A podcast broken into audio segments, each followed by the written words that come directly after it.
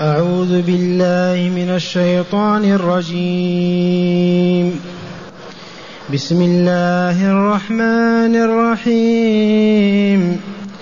ألهاكم التكاثر حتى زرتم المقابر. كلا سوف تعلمون.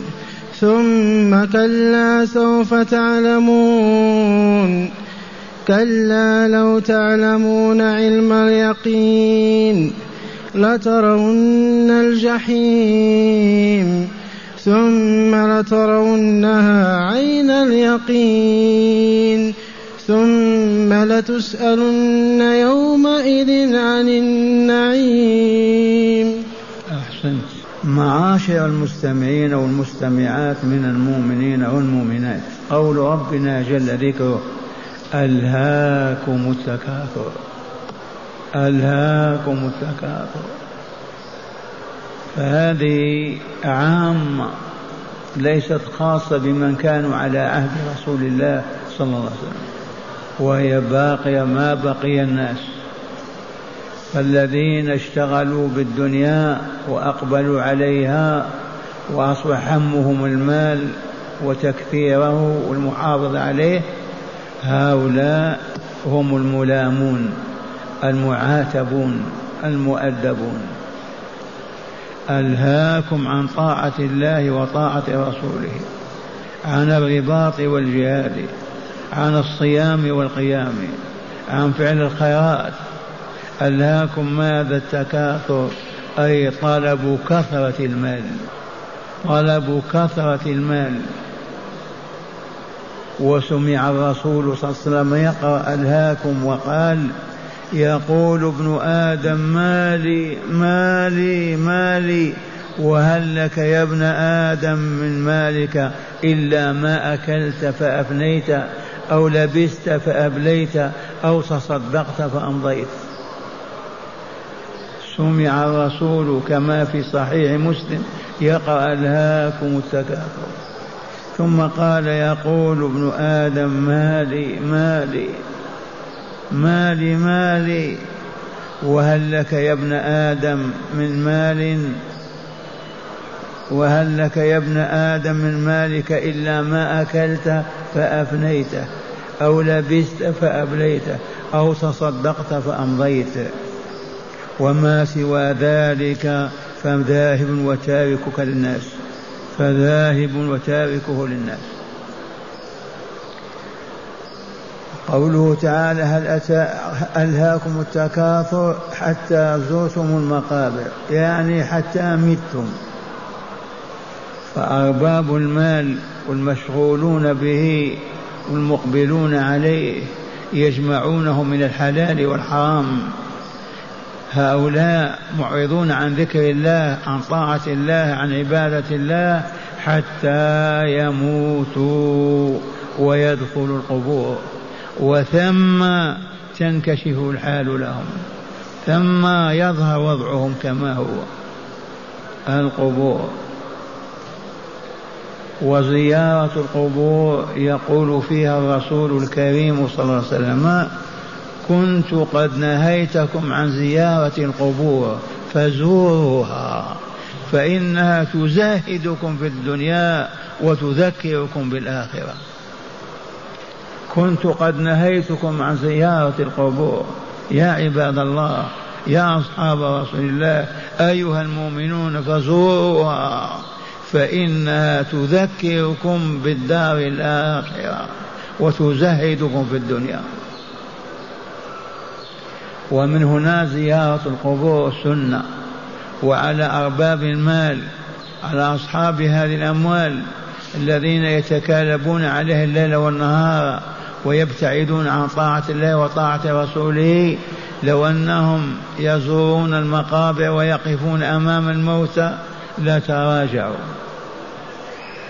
لعادوا إلى الصواب وعبدوا الله بطاعة وطاعة رسوله. وما اشتغلوا بأوساخ الدنيا وأوضارها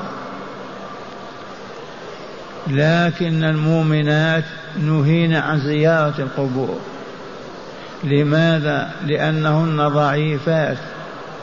ضعيفات الإرادة رقيقات القلوب. ما يتمكن من من النظر إلى القبر حتى يندفعن بالبكاء والصياح فرحمة بهن وشفق عليهن نهاهن رسول صلى الله عليه وسلم عن زيارة القبور.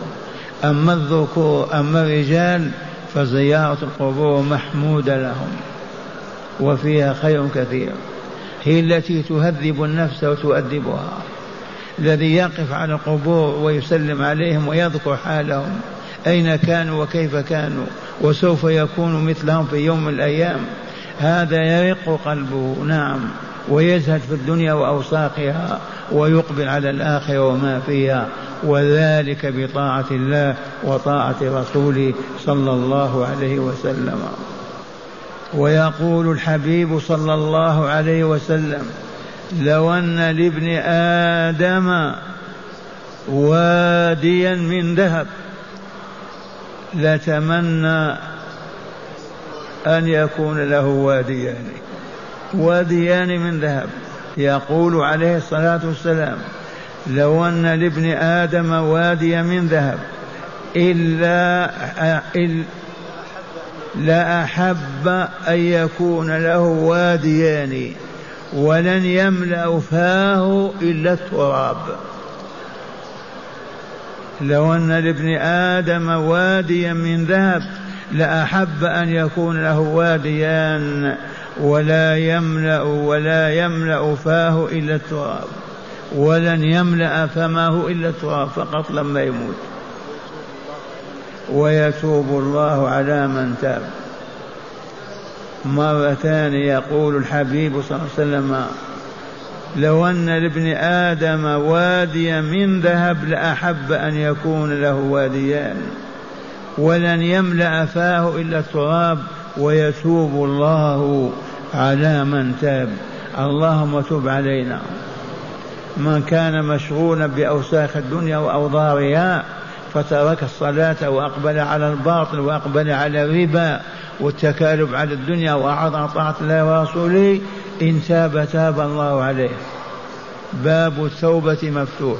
لا يغلق أبدا حتى تحشرج النفس في الصدر أو تطلع الشمس من مغربها. ألهاكم التكاثر حتى زرتم المقابر. كلا سوف تعلمون. كلا كلمة ردع. كلا سوف تعلمون. إي نعم. لما يدخلون القبر يعرفون صالح دنياهم ما كانوا يعملون له. ثم كلا ردع ثاني سوف تعلمون. والله العظيم. سوف يعلمون ما هم عليه الآن من الباطل والشر والفساد والتكالب على أوساخ الدنيا وأموالها. سوف يعلمون ذلك بمجرد زيارتهم لقبورهم ودخولهم فيها. وسيعلمون ذلك يوم القيامة. كلا كلمة ردع لو تعلمون علم اليقين. لو تعلمون ما في القبر وما يجري فيه علم اليقين ما أقبلتم على هذه الأوساخ أبدا ولا عصيتم الله ورسوله. لو تعلمون علم اليقين. لما أصبحتم مكبين على أوساخ الدنيا تتركون الصلاة والعبادات والزكاة وتقبلون على الربا والزنا والباطل حبا في الدنيا ورغبة فيها. ثم كلا سوف تعلمون. كلا. ردع أيضا لو تعلمون علم اليقين لا ترون الجحيم بأعينكم. لو تعلمون علم اليقين لرأيتم الجحيم. ثم لا ترونها يوم القيامة عين اليقين ثم لا ترون يوم القيامة عين اليقين. الآن ترى بعلم اليقين. والله كأننا نراها. لإيماننا بها. الجحيم كأنما نشاهدها وقد عرفنا آيات الله فيها وبيناته وحادث رسوله وأنها دار البقاء والخلد الأبدي والعذاب الذي لا ينتهي. إذا لا ترون الجحيم. وهذا النظر رؤية بصرية يكون يوم القيامة والناس في عرصات القيامة على ساحة فصل القضاء ويؤتى بالنار وتشاهد. يشاهدها المؤمنون والكافرون بأعينهم. كما أخبر تعالى وعزتي وجلالي لترون الجحيم. اللام هذه لام القسم. لترون الجحيم قطعا. ثم لترونها عين اليقين. الآن علم اليقين فقط ولكن يوم القيامة نراها عين اليقين نشاهدها. الكفار يشاهدونها ويدعون فيها إلى جهنم دعا والمؤمنون يشاهدون ويصرفون عنها ويذهبون بهم إلى الجنة. ثم لترون عين اليقين ثم لتسألن يومئذ عن النعيم. هنا. ثم لتسألن أيها العباد يوم القيامة عن النعيم في الدنيا. والله عن أسماعنا أبصارنا ألسنتنا أموالنا أولادنا كل نعيم. حتى الماء البارد والظل الذي نستظله. والرطب كما قال الرسول صلى الله عليه وسلم. واسمعوا الحديث الشريف. يقول صلى الله عليه وسلم كنت نهيت نعم يقول من النعم الذي تسألون عنه يوم القيامة ظل بارد ظل بشجرة بجدار بارد ورطب طيب رطب معروف التمر طيب وماء بارد. ولهذا كل نعمة سنسأل عنها. فإن ودينا واجبنا فيها وأدينا حق الله فيها نجونا وإن فرطنا وأضعنا وأهملنا تلك النعم وما حمدنا الله وما شكرناه عليها يا ويلنا لا بد من نار جهنم. وفي الصحيح يؤتى بالعبد يوم القيامة فيقول له ألم أجعل لك سمعا وبصرا ومالا وأولادا؟ هكذا يقول له الملك. يقول له رب تبارك وتعالى ألم نجعل لك سمعا وبصرا؟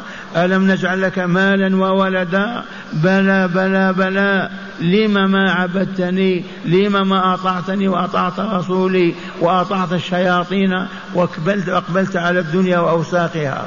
ثم لتسألن يومئذ عن النعيم. كل نعمة من طعام من شراب من لباس ما في كما بين صور إلا كسرى تأكل وتسل بها الجوع. أو شربة ماء فقط أو كهف أو غار تدخل فيه للحر والبرد. أما ما عدا ذلك فكل هذه النعم نسأل عنها. والآن الآن الظل الظل والبرد الذي نعيش في الصيف.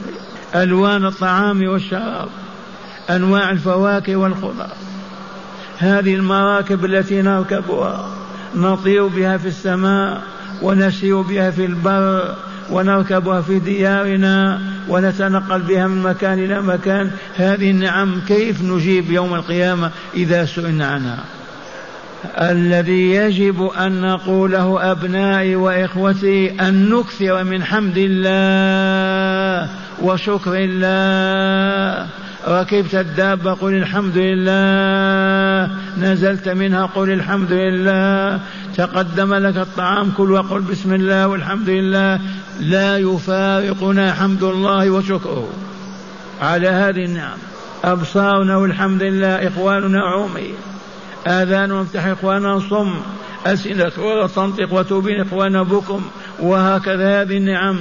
أين شكرها؟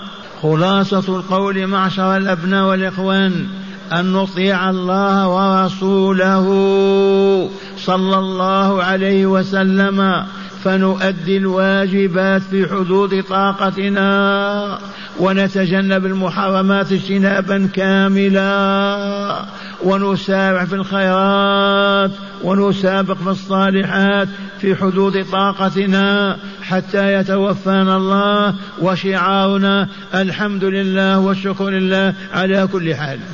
وبذلك ننجو إن شاء الله من عذاب جهنم. وهكذا ثم لترونها عين اليقين ثم لتسألن يومئذ عن النعيم الذي تنعمتم به في دنياكم. من طعام وشراب ولباس ومراكب وما إلى ذلك. وويل لمن ألهاهم التكاثر عن العبادة والطاعة وأقبلوا على الدنيا وأوساقها نظروا إلى الله منهم. نسأل الله لنا ولهم التوبة والعودة إلى الصواب يا رب العالمين. مع هداية الآيات. بسم الله والحمد لله والصلاة والسلام على رسول الله صلى الله عليه وسلم. قال من هداية الآيات أولا التحذير من جمع المال وتكتيره مع عدم شكره وترك طاعة الله ورسوله من, من أجله. هداية الآيات التحذير من جمع المال وتكثيره والإقبال عليه والإعراض عن طاعة الله ورسوله فإنها مهلكة عظيمة. وسوف تتجلى لصاحبها عندما يدخل القبر فقط ما ينتظر إلى يوم القيامة. بمجرد ما يلقى في قبره تتجلى هذه الحقيقة. ويلقى جزاءه الذي هو ترك طاعة الله ورسول من أجل الدينار والدرهم. والعياذ بالله. ثانيا إثبات عذاب القبر وتأكيده بقوله حتى زرتم المقابر كلا سوف تعلمون أي في القبر. هداية الآيات تقرير عقيدة عقيدة السؤال في القبر والعذاب والنعيم فيه. والله لا يعذب أهل العذاب في القبر. والله لا ينعم على أهل النعيم في القبر. المؤمنون الصالحون والمؤمنات الصالحات ينعم عليهم في قبرهم ويفتح لهم باب الجنة يشاهدونه ومنازلهم فيها. وأما أهل الفسق والفجور والشرك والكفر والعياذ بالله فهي الظلمة وهي النار يشاهدون الجحيم. نعم. ثالثا تقرير عقيدة البعث وحتمية الجزاء بعد الحساب من هداية الآيات تقرير عقيدة البعث والجزاء. وهو الركن الخامس من أركان الإيمان. من لم يؤمن بالدار الآخرة وما يجري فيها من حساب وجزاء فهو شر الخلق والعياذ بالله شر البرية. فلهذا أدعو الناس إلى أن يؤمنوا بلقاء ربهم إلى أنهم يبعثون أحياء كما ماتوا ويسألون ويحاسبون ثم يجزون إما بالنعيم وإما بالعذاب الأليم. عقيدة البعث والجزاء هي الحياة. إن فقدها العبد مات. والله فاقد الإيمان بالدار الآخرة لا خير فيه ولا يوثق فيه ولا يعول عليه وهو شر الخلق. نعم. رابعا وأخيرا حتمية سؤال العبد عن النعم التي أنعم الله تعالى عليه بها في الدنيا فإن كان شاكرا لها فاز وإن كان كافرا لها أخذ والعياذ بالله. من هداية الآيات ما علمناه أننا والله مسؤولون عن هذه النعم ونجزى بذلك. فإن كنا حامدين شاكرين أدخلنا الله نعيمه وجنته وما عذبنا. وإن كنا والعياذ بالله تعالى فاسقين فاجرين. لا نحمد الله ولا نشكره ولا نطيعه فالعذاب عذاب جهنم وهو دار الخلد والبقاء الأبدي نبرأ إلى الله من ذلك ونعود. نستمع الآيات مجودة أيضا. أعوذ بالله من الشيطان الرجيم. بسم الله الرحمن الرحيم. ألهاكم التكاثر حتى زرتم المقابر. كلا سوف تعلمون. ثم كلا سوف تعلمون. كلا لو تعلمون علم اليقين لترون الجحيم. ثم لترونها عين اليقين. ثم لتسألن يومئذ عن النعيم.